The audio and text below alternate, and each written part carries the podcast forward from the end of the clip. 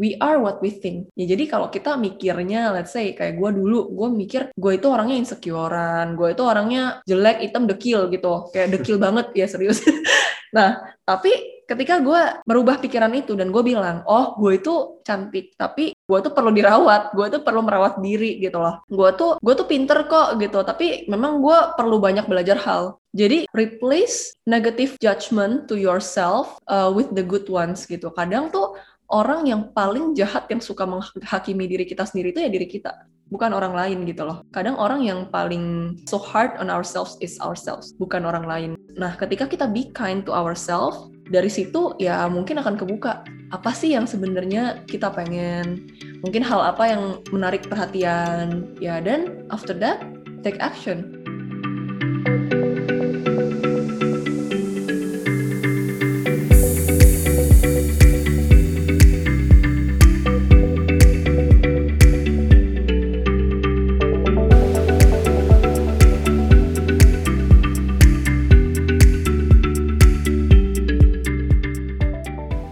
Hai guys, welcome back to the Better Story Podcast. Nah, di podcast ini kita akan menguak dan membahas untold story atau cerita yang biasanya nggak diceritakan di balik pencapaian yang dicapai figur yang akan kita interview. Nah, kami sangat berharap untold story-nya mereka ini bisa menginspirasi kamu to own your story and create your own kind of better story. So, hari ini kita akan ngomong bareng dengan Nova yang adalah founder dan CEO dari Car and Claire Perfumery, sebuah local brand di Indonesia yang memiliki purpose untuk membantu wanita menjadi lebih percaya diri. Dan produk yang mereka jual adalah parfum dengan kualitas tinggi tapi harganya terjangkau. And kebetulan banget my wife istri aku is a big fan of this brand. Dia punya tiga parfum Car and Claire dengan wangi yang berbeda-beda and never miss using it. Kapan pun mau keluar, bahkan di rumah kadang juga pakai. Katanya untuk increase confident. Nah, kata Nova, Car and Claire ini bukan hanya sekedar sebuah brand parfum, tapi it's also a confidence brand. Nah, di episode ini kita akan menggali lebih dalam lagi ke cerita Nova tentang journey dia dalam mengubah diri dia yang dari nggak confident dan bahkan merasa dirinya worthless menjadi seseorang yang bukan hanya confident, tapi malahan berhasil membantu banyak wanita-wanita lain untuk menjadi lebih confident lagi. So, let's dive in. Hi Nov, thank you udah make time to be a part of the Better Story podcast. Sebelum kita lanjut, can you please introduce yourself untuk orang yang belum tahu lu? Oke, okay, hi Brilliant. Thank you for having me today. Uh, senang banget bisa sharing di sini. Well, uh, kenalin buat yang belum kenal, of course, uh, aku Nova. Aku tinggal di Jakarta dan sekarang itu kesibukan aku sehari-hari aku jualan parfum. Kalau untuk mereknya sendiri namanya Cal and Claire Perfumery. Hmm, I sense a really humble presence. Sehari-hari cuma jualan parfum. Ini jualan gimana no maksudnya? Door to door kah? Jual baru online dan offline di toko. Boleh tahu nggak alasan kenapa lu mulai Karen Claire?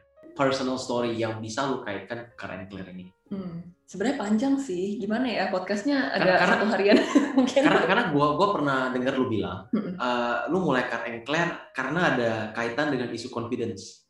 Nah boleh dikaitin ke sana aja oke. Okay. nah jadi uh, mungkin sebelum ke sana gue mau cerita beberapa tahun back then ya sebelum gue uh, memutuskan untuk memulai bisnis parfum gue dulu. Nah jadi ya itu itu tuh cerita itu tuh dimulai waktu gue remaja sebenarnya gitu Brilian jadi gue itu di umur kan orang tua gue tuh udah cerai dari gue umur 9 tahun. Nah, terus kemudian uh, gue cer uh, orang tua gue cerai terus gue ikut bokap gue. Nah, terus kemudian karena financial issue juga bokap gue tuh cuma bisa nyekolahin gue tuh sampai SMP waktu itu. Nah, I have I had no other choice kecuali gue ikut nyokap gue, which is nyokap gue tuh di saat itu uh, tinggal di Singapura de bersama dengan keluarga barunya. Jadi uh, nyokap itu udah remarried dengan uh, orang lain lah gitu. Di saat itu I had I had no idea. Jadi kalau keluarga nya nyokap gua di saat itu ternyata tuh nggak punya hubungan yang baik sama nyokap gua secara personal gitu. Nah jadi intinya nyemplung lah gua ya daripada nggak sekolah. Di saat itu gua mikir kayak ya udah gua ikut, so gua harus terima nasib. Di saat itu gua mikirnya Uh, dan sebenarnya menurut gue titik uh, perjalanan hidup gue mulai dari situ kayak jadi menurun gitu loh. Jadi kayak awal mulanya tuh kayak dari ketika gue datang di situ, gue benar-benar tidak di welcome karena gue expectnya oh nyokap gue uh, udah ngajak, terus kemudian juga ada keluarga barunya ya they were ready to welcome me. Tapi ternyata kenyataannya enggak gitu. Bahkan kayak gue benar-benar merasa tuh kayak dianaktirikan gitu. Nah, jadi long story short, apa ya, kondisi gue di situ, gue benar-benar gak nyaman banget, kayak they they watch my every move, jadi bahkan gue buka laptop uh, malam-malam aja tuh disangka main games, terus gue ngapain pun juga, pokoknya disangkanya yang enggak-enggak, karena memang mungkin hubungan hubungan dengan nyokap gue tuh kurang baik ya di saat itu dengan keluarganya mereka gitu. Jadi ibaratnya kayak gue menerima menerima apa ya, reaksi, uh, apa ya konsekuensinya juga lah gitu, membayar harganya. Oke, okay, so jadi uh, dari situ itu juga bikin confidence gue bener-bener uh, apa ya sangat low. Jadi kayak gue bener-bener nggak uh, pede dengan diri gue karena tuh gue dianggap kayak anak yang nggak bisa ngapa-ngapain anak yang kayak nyusahin. Terus uh, anaknya nakal di saat itu.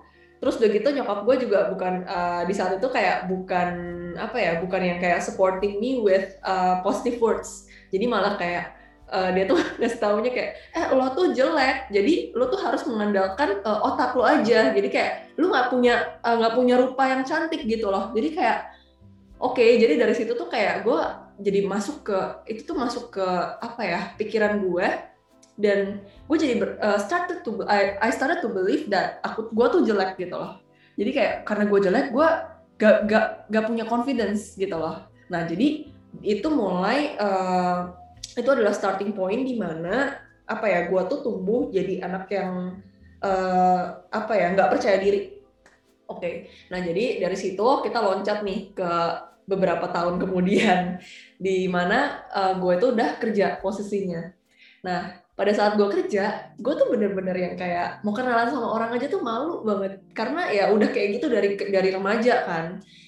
Terus uh, dari situ gimana ya kayak gue ngelihat juga nih orang-orang kayak cewek-cewek lain yang mungkin seumuran dengan uh, dengan gue tapi kok mereka keren banget gitu loh. Kayak how, how come? gitu loh. Tapi ya mungkin di saat itu gue masih berpikiran ya itu mereka. Hmm, itu bukan gue gitu loh. Nah jadi uh, beruntungnya gue tuh punya temen di mana uh, ya bukannya gimana ya bukannya temen gue itu kayak lebih confident dari gue tapi uh, mereka tuh yang kayak jadi reminder kalau eh kita ini uh, bisa loh jadi kayak cewek-cewek itu yang confident gitu loh. Nah mulai dari situ barulah gue kayak terbuka nih pikirannya untuk oh ternyata tuh confidence itu bisa dibangun dari dari kayak sedini apa pun dari sekarang tuh juga bisa gitu loh. Nah dari situ uh, mulai deh suka-suka sama hal make up, suka skincare dan, dan termasuk perfume. Nah kalau dari gue sendiri personal attachment gue yang paling besar itu di perfume. Karena bersama dengan perfume ini kan gue kan apa ya sangat introvert ya dulunya. Jadi kayak mau ketemu orang pun atau gimana tuh kayak butuh boost confidence confidence booster gitu loh. Jadi dari situ tuh kayak perfume tuh kayak uh, barang andalan. Jadi uh, years later uh, pada akhirnya ketika mau memutuskan untuk resign dari kerja dan mulai bisnis ya of course it's gotta be perfume gitu. Kira-kira panjang ya ceritanya. I see. Terus Nov kan Nova sekarang di Jakarta ya. Berarti dalam arti kan lebih dekatnya itu ke papa daripada ke mama karena mama di Singapura. Nah sekarang Nova dan mama itu hubungannya gimana? Maksudku Nova yang di masa SMP mm-hmm. di masa SMP itu kan merasa um, dianaktirikan nih oleh mama. Sekarang hubungan Nova dengan mama gimana? Oke, okay, nah jadi relationship gue dengan nyokap gue tuh agak unik ya. Jadi agak berbeda sama mungkin yang apa ya yang wajar ya. Maksudnya pada sewajarnya gitu kan. Kayak kita kan diajarin untuk uh, mungkin ber, uh, selalu sayang sama orang tua berbakti dan lain-lain gitu. Nah jadi kalau dari gue sendiri um, nyokap gue dari gue umur sekitar 4-5 tahun gitu dia udah kayak sering-sering ninggalin gitu lah. Kayak kerjaannya kan di Singapura gue kan di Jakarta. Jadi uh, pulangnya tuh kayak enam bulan sekali gitu. Sampai pada akhirnya kan cerai terus kayak nggak ketemu bertahun-tahun terus ketemu lagi hidup bareng. Nggak cocok ya ribut terus. Karakternya karena sama-sama dominan. Jadi sebenarnya tuh Uh, mungkin kita tuh berantem tuh karena bukan kita tuh nggak cocok uh, karena kita berbeda. Tapi ya mungkin karena kita tuh karakternya sama sama-sama dominan gitu lah ya mungkin gitu lah um, terus kemudian setelah uh, pada akhirnya gue memutuskan balik untuk ke Jakarta juga dari situ gue juga udah mulai jarang ketemu karena memang sebenarnya uh, dulunya itu gue selalu merasa nyokap gue nggak sayang sama gue terus uh, nyokap gue tuh uh, egois lah gitu. Uh, karena gue ngelihat kayak seorang ibu kandung tuh harusnya kayak sayang sama anaknya dan lain-lain gitu. Tapi pada kenyataannya yang gue dapetin di jauh uh, jauh nggak kayak gitu gitu loh. Kayak nyokap gue uh, gue merasa dulu tuh nyokap gue nggak sayang sama gue gitu loh. Nah uh, sampai sekarang sebenarnya kalau misalnya ditanya gue udah uh, cut off relationship sama nyokap sebenarnya. Jadi gue nggak ngomong sama nyokap karena gini um, kita tuh beda beda paham sih. Jadi um, gue gimana jelasin ya? Jadi intinya uh, bukan karena gue tuh nggak sayang sama nyokap gue uh, makanya gue nggak apa ya nggak nyari dia lagi atau gimana. Nah justru uh, we can love someone from afar. Um, jadi tuh kayak dengan nggak ngomong sama dia itu adalah kayak it's showing love gitu. Itu kayak gue ngasih uh, nyokap gue tuh ya ya udah kebebasan. Atau gue nggak ngasih nyokap gue tuh kayak ya udah dia bisa hidup uh, apa ya seperti apa pun yang dia mau lah. Dan gue pun juga uh, apa ya merasakan sense of freedom gitu. Tapi bukan berarti kayak oh gue uh, udah nggak punya nyokap gue nggak menganggap nyokap gue tuh nyokap gitu. Nggak gitu. Gue masih mengakui uh, gue punya nyokap tapi memang gue kayak nggak ngomong sama dia gue nggak komunikasi sama dia but that doesn't mean kayak uh, I don't love her anymore gitu. Nggak jadi kira-kira gitu agak twisted ya tapi ya yeah, that's tapi aku relate sih karena kurang lebih hubungan aku dan papaku pun gitu. Jadi bukannya aku cut off fully tapi memang ada ya masalah complicated lah antar mama dan papa di mana aku nggak boleh nih berada ada mempunyai hubungan dengan papa kontak dengan papa komunikasi dengan papa. So I, aku totally relate sih. But have you make peace dengan situasi itu? I mean kalau memang lu udah gimana lu cara make peace-nya karena karena ini sebuah pengalaman yang menurut aku bisa jadi trauma karena pengalaman masa laluku menjadi trauma aku di masa depan dan untuk make peace dengan hal seperti ini gak gampang loh gimana cara lu untuk make peace dengan hal ini hmm, lu ya. udah make peace belum Of course, ah, ya. Gimana caranya? Nah, jadi gini, um, sebelum, jadi gue terakhir ngomong sama nyokap gue tuh sekitar hampir tiga tahun yang lalu deh. Hmm. Jadi sebenarnya hubungan gue sama nyokap gue tuh on and off jadi kayak mungkin sebentar nyariin terus habis itu kayak mungkin sama-sama kecewa kayak karena nggak cocok ini habis itu ya udah kita uh, berhenti nggak nggak saling nggak ngomong gitu nggak nggak nyari nyarian habis itu kemudian kayaknya gue mau coba deh uh, trying to resolve the relationship gitu trying to have better relationship. Tapi ternyata nggak cocok lagi and then ya udah. Jadi kayak gitu aja terus gitu nah pada satu hari uh, nyokap gue itu uh, maksa gue konteksnya maksa. Jadi dia benar-benar maksa gue untuk uh, jadi daftar PR di Singapura permanent resident. Jadi kayak ibaratnya gue tuh harus ke sana untuk nemenin dia gitu. Dan di saat itu dia nggak uh, nanya ke gue apa yang gue pengen. Terus dia juga nggak validate my feelings. Kayak kalau gue misalnya PR itu oke okay atau enggak dia nggak nanya gue terus dia juga nggak asking for my consent di mana di saat itu kan gue juga udah over 18 jadi I have that right. Uh, dari situ gue merasa oh oke okay, this is toxic for me dan gue nggak bisa hidup dengan kondisi yang kayak gitu. But uh, apa ya itu bukan tanda di mana gue benci gitu loh. Tapi oke okay, kayaknya hubungan ini mesti di cut off. Karena ketika kita deket kita itu mungkin kayak gak cocok gitu. Tapi ketika kita jauh ya kita we're happy gitu. Jadi ya mungkin sejauh kayak kita nanya melalui misalnya kalau gue nanya melalui adik gue misalnya atau melalui siapa kalau nyokap gue baik-baik aja kita mungkin saling tanya-tanya sama orang that's fine ya udah gitu terus di saat itu gue juga kayak merasa kecewa sama diri gue sendiri kayak kok gitu ya bukannya seharusnya lo jadi anak harus berbakti ya kayak harus kayak uh, have good relationship and all that give back to your parents. Tapi uh, di saat itu gue langsung mikir kayak emang kata siapa? Apakah emang begitu? gitu kan. Kalau emang di ternyata di konteks gue itu berbeda kita kan dilahirkan unik ya gitu. Experience kita juga beda-beda gitu. Jadi ketika itu yang memang uh, yang terbaik untuk dua-duanya why not then why not gitu loh. Dari situ bukan hal yang gampang untuk uh, apa ya um, berdamai dengan situasi yang kayak gini. Ini kan anggapannya berarti di luar dari normal ya orang-orang yang seperti biasanya gitu loh. Kayak seperti biasanya mungkin kayak telepon-teleponan atau atau I don't know kayak Zoom call whatever. Tapi kalau ini tuh kayak ngomong aja mungkin bisa ribut lagi misalnya gitu kan.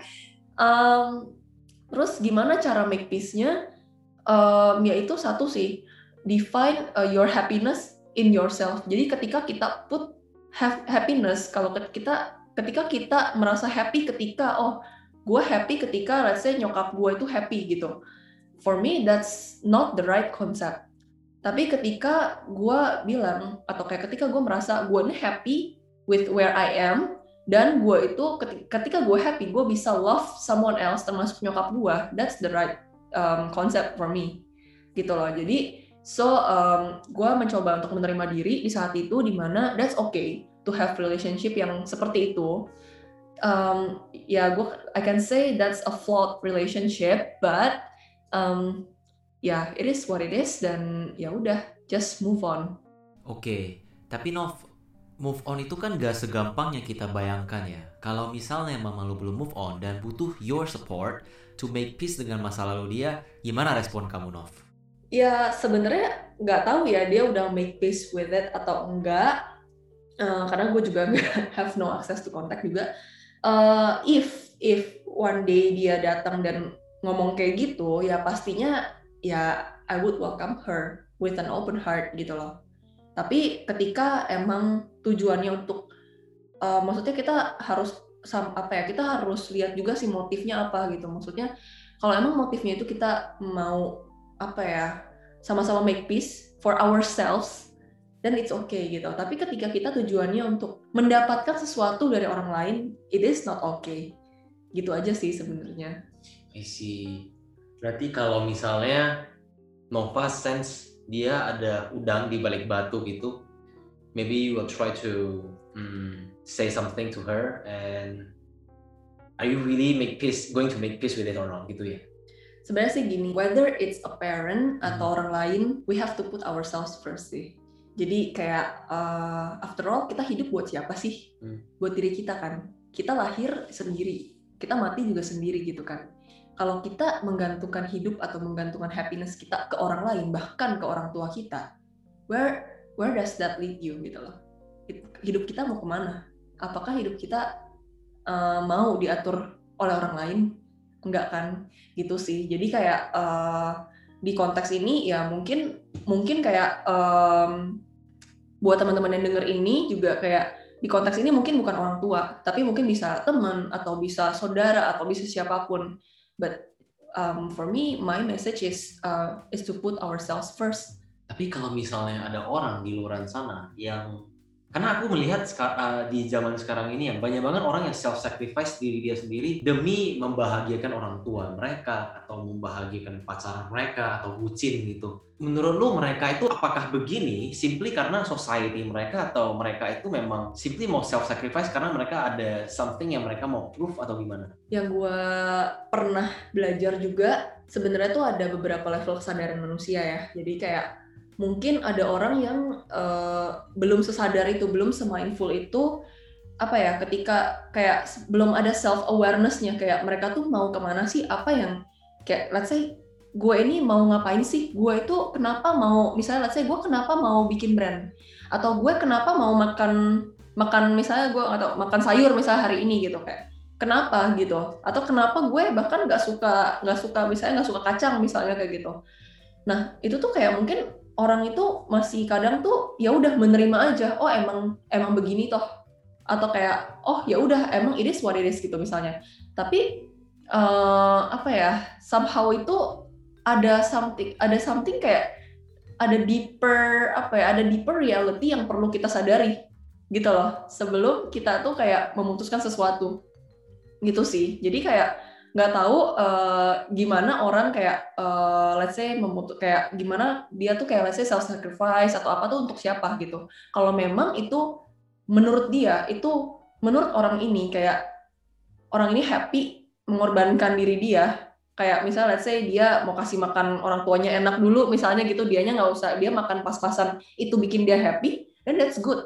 Tapi jangan sampai itu tuh jadi kayak apa ya mengorbankan kayak happiness kita gitu sih jadi kayak ada garis tipis ya kayak bener-bener kayak ada garis tipis di antara kita mau mengorbankan sesuatu demi orang lain happy atau ya kita berbuat baik itu bikin kita happy gitu loh.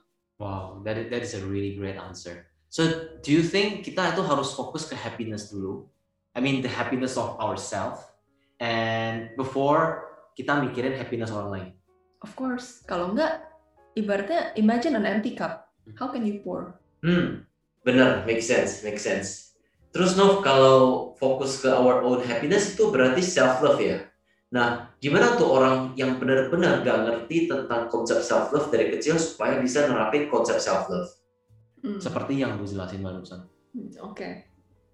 Uh, I can say uh, gimana ya?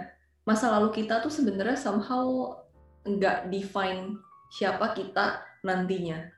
Tapi itu bisa jadi modal ya gitu. Jadi kayak let's say kayak gue cerita cerita gue dan ketidak ke insecurity gue dan lain-lain itu kan kayak salah satu modal juga. Kayak di mana itu yang apa ya itu yang the dots that I have to take the the path that I have to take untuk menjadi di posisi yang sekarang. Tapi itu bukan berarti kayak oh gue yang nggak percaya diri dulunya itu yang akan bikin gue nantinya tuh nggak percaya diri juga gitu kan. Jadi sama sama orang yang uh, baru pengen misalnya uh, kayak baru terbuka untuk kayak belajar mencintai dirinya sendiri.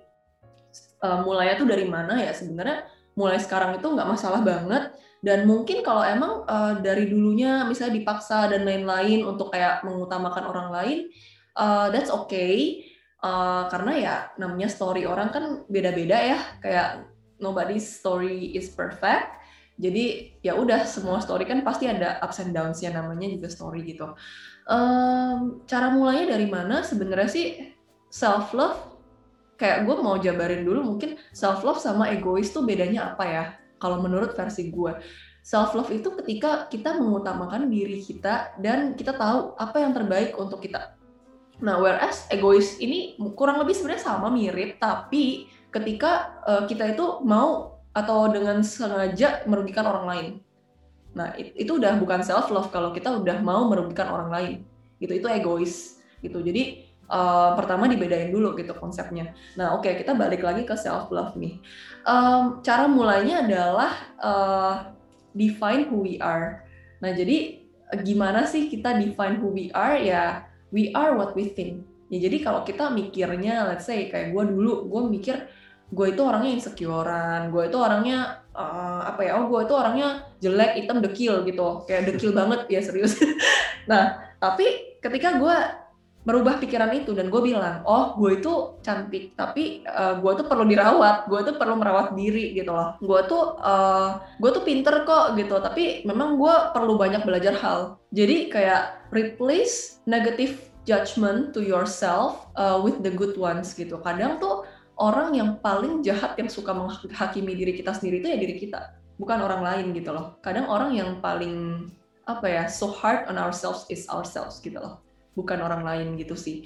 Nah, ketika kita be kind to ourselves, dari situ ya mungkin akan kebuka apa sih yang sebenarnya kita pengen, mungkin hal apa yang menarik perhatian, ya dan after that take action. Oke, okay Berarti yang lu cerita barusan ini berarti adalah proses lu menemukan self worth lu ya?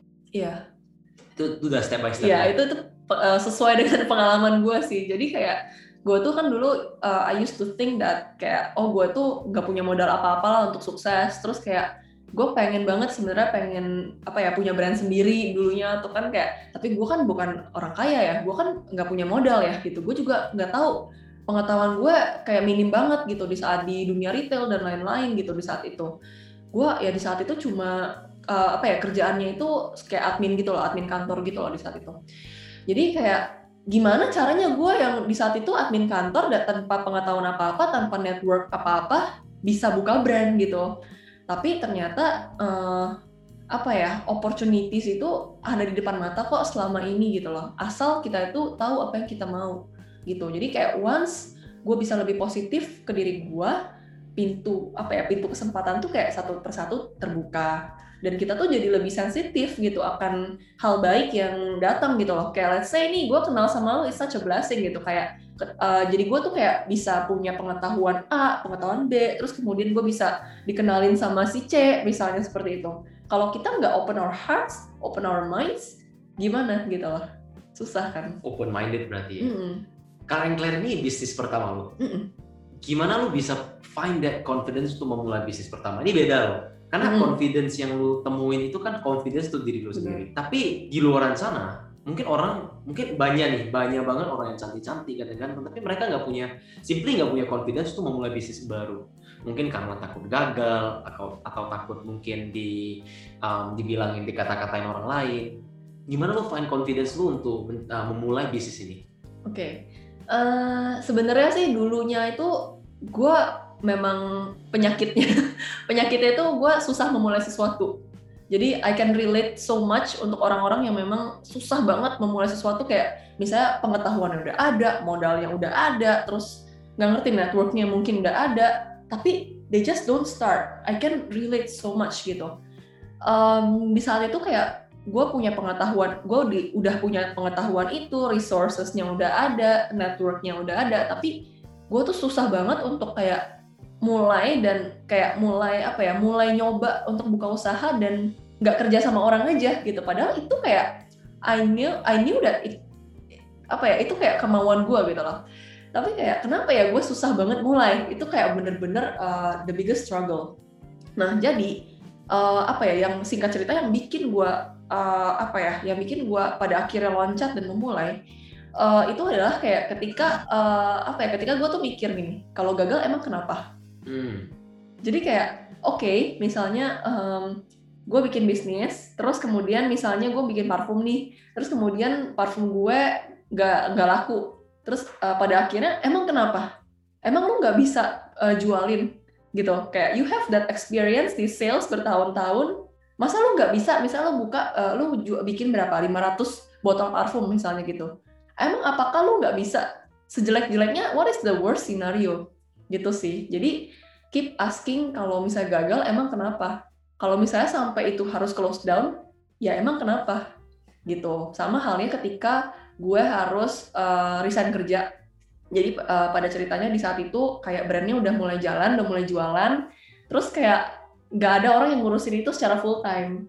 Jadi uh, pada saat itu ya gue harus keluar lah ya dari kerjaan. Nah, gue tuh takut karena gue tuh nggak punya tabungan yang kayak safety net lah gue nggak ada setebel itu saat tabungannya jadi uang gue tuh pas-pasan terus kayak kalau misalnya gagal gue nggak digaji gue gimana gitu itu bener-bener kayak ketakutan yang di saat itu luar biasa takutnya sih nah tapi di saat itu uh, apa ya kayak pacar gue tuh bilang kayak ya udah emang kalau misalnya apa ya kalau misalnya emang nggak berhasil lu nggak bisa cari kerja lagi. Misalnya hmm. ya udah kalau emang nggak bisa nggak bisa berhasil ya udah coba lagi aja. Iya juga ya. So dari situ ya udah deh gitu kan kayak nggak apa-apa kayak bener juga sih kalau misalnya nggak berhasil uh, ya udah tinggal cari kerja lagi atau ya ya udah misalnya dengan sisa uang yang ada ya udah kita bikin sesuatu lagi atau gimana. Ya dan dari situ ya udah I jump. Dan ya fortunately I survive until today ketika lu bilang fortunately gue boleh tanya nggak? Bisnis pertama lu ini menurut lu memang sesuai dengan strategi dan planning lu bisa sebesar ini sekarang? Atau mungkin kalau lu salah ngambil jalan mungkin bisa gagal juga? Hmm. can you say you expect the unexpected? Uh, gue tuh tipe orang yang fully prepared before I jumped into anything. Okay. Jadi kayak ketika gue mau ngelangkah satu, gue udah mikir sinarionya A B C D sampai Z mungkin sampai ada AA AB mungkin gitu jadi uh, yes I have prepared the unexpected tapi um, pada kenyataannya banyak juga kok yang unexpected things yang terjadi juga gitu kayak dari sekian banyak skenario masih ada juga kok yang terjadi yang tanpa kita expect gitu loh jadi ya surprises were there. Banyak banget hal-hal yang apa ya uh, bikin jantungan deg-degan itu banyak banget.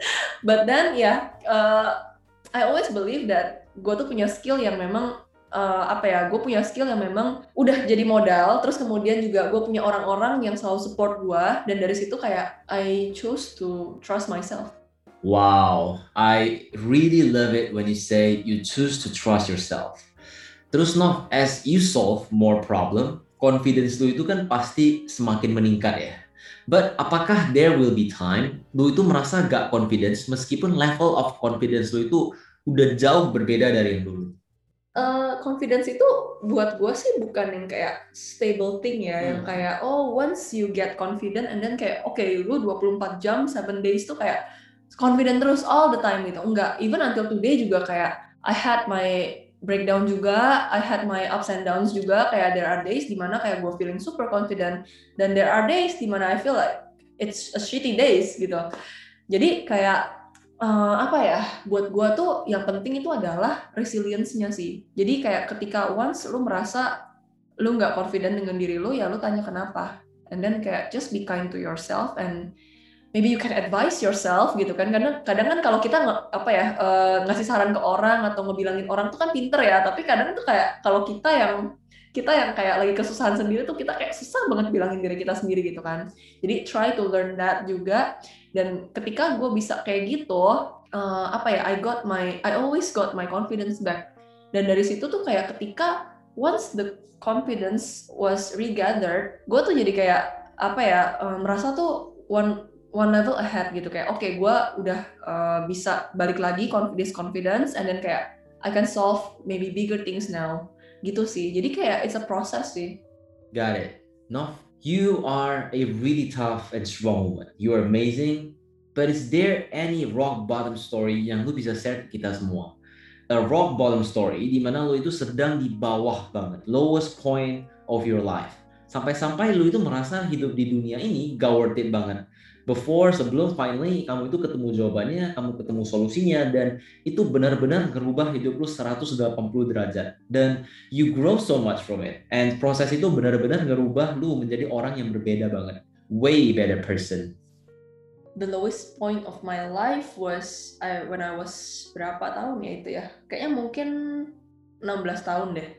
Umur 16 berarti? Umur, ya, umur 16 tahun. Jadi di mana nyokap gue tuh uh, jadi I got into a fight with my mom. Terus di mana nyokap gue tuh bilang kayak uh, gue tuh worthless. Nah dari situ kayak what? Am I? gitu kayak kayak apakah gue se worthless itu? Kayak bahkan nyokap gue aja bisa ngomong kayak gitu gitu loh. Nah jujur di saat itu gue bener-bener kayak bisa merasakan trau satu trauma kedua depresi dan ketiga itu luka batin jadi kayak uh, ya mungkin itu kayak sumber sumber di mana gue tuh bener-bener super insecure dan all that gitu loh ketika gue sampai remaja dan lain-lain gitu kan. Jadi uh, itu adalah luka batin yang ibaratnya gimana ya kayak melukai gue lah gitu di saat itu. Nah gue baru sadar itu kayak beberapa tahun kemudian ketika ya itu gue tuh kayak nanya ke diri gue sendiri kayak emang cita-cita cita-cita lu tuh apa sih? gitu. Terus kayak lu tuh pengen jadi apa sih? Dan kenapa di saat itu gue bener-bener no idea gitu kayak iya ya gue ngapain ya? Karena gue selama ini terlalu fokus mikirin apa ya kalau gue ini worthless. Gue tuh terlalu fokus akan that judgment ketika gue ini nggak akan jadi siapa-siapa gitu loh. Tapi uh, itu mungkin part yang di mana gue bener-bener sangat uh, down sih. Dan for many years gitu kayak mungkin 2-3 tahun gitu loh kayak gue downnya. Jadi kayak bukan yang down and then kayak up lagi. Jadi kayak itu bertahun-tahun dan sebenarnya prosesnya proses baliknya itu ya sebenarnya berdamai sih berdamai dengan diri sendiri sih. Kayak uh, di saat itu ya gue gue ngomong ke diri gue sendiri kayak um, apa ya gue ngelihat kok uh, figur orang tua orang tua di luar sana yang baik-baik terus yang apa ya yang they they are like perfect family ya di mana kayak ada komunikasinya dan lain-lain gitu. Dan uh, I was so lucky jadi bokap gue tuh juga remarry dengan uh, nyokap yang sekarang. Dan uh, she shared so much love gitu. Dan dari situ gue benar-benar mulai merasa dicintai juga merasa punya keluarga juga. Jadi dari di situ gue udah mulai sembuh juga sih. Gue udah merasa kayak uh, apa ya? Ternyata maksudnya just because some one person says that dan mungkin itu orang tua lu atau kayak gimana it doesn't define who you are. Jadi kayak ada banyak orang di luar sana tuh yang kayak ibaratnya gini sih, ada banyak orang di luar sana yang pengen banget di posisi kita. Jadi we have so many things that we should be grateful about. Kayak misalnya uh, our perfect physical body. Ada banyak orang sana yang pengen banget our bisa complete hands, complete feet, misalnya kayak gitu. Dan so many things kayak kenapa lo sibuk banget sih sama insecurity lo gitu kayak kenapa lo sibuk banget sama hal-hal yang sebenarnya gak usah dipusing-pusingin banget dari situ sih kayak mungkin titik baliknya.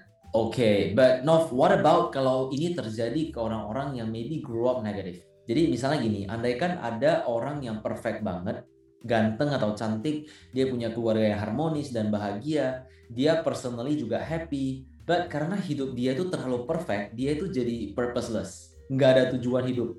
Dan karena they don't have purpose, they do nothing. And in the end, they feel worthless. What are your thought on this, Nov?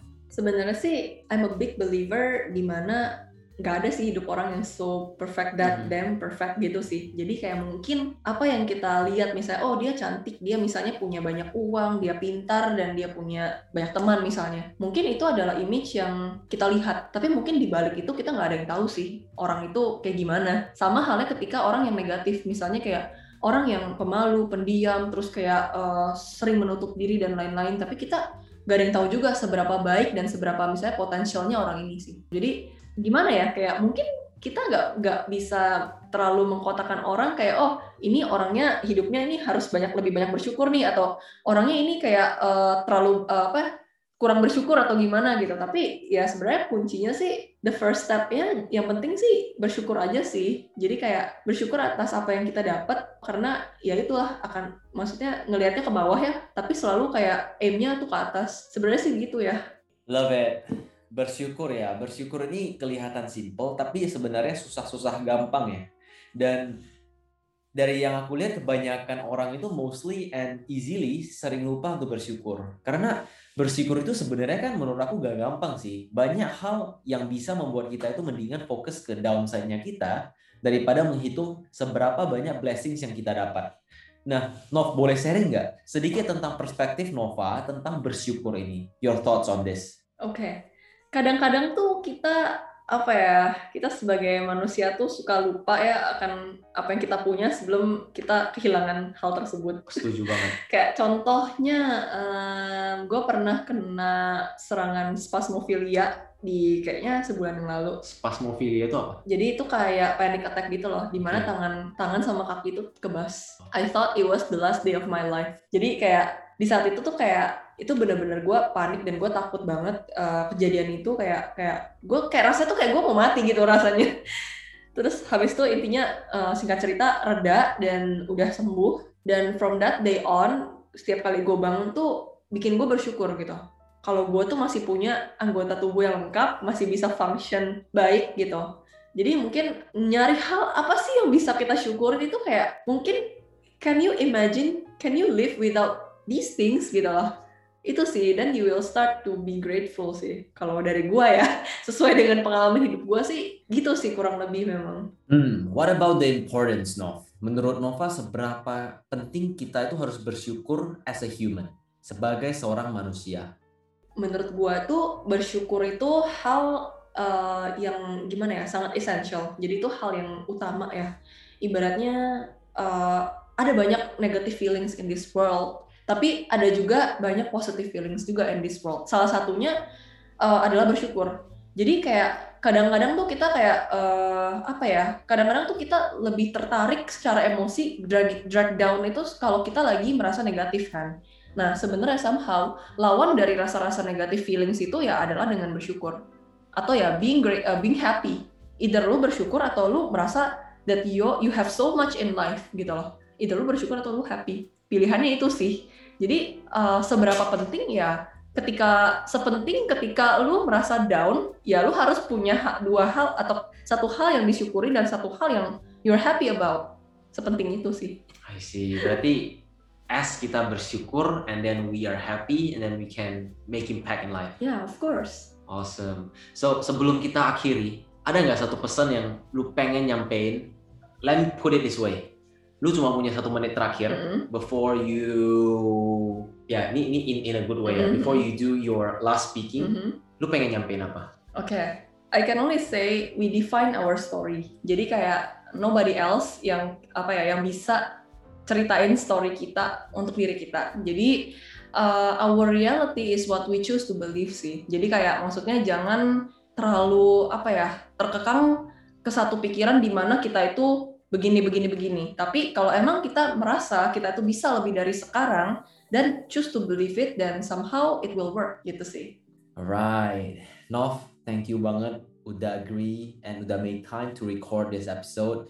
Appreciate banget and story-nya juga deep banget. Love to share. I think it's going to help a lot of people Semoga ya. get inspired. Yeah, thank you. Thank you so much.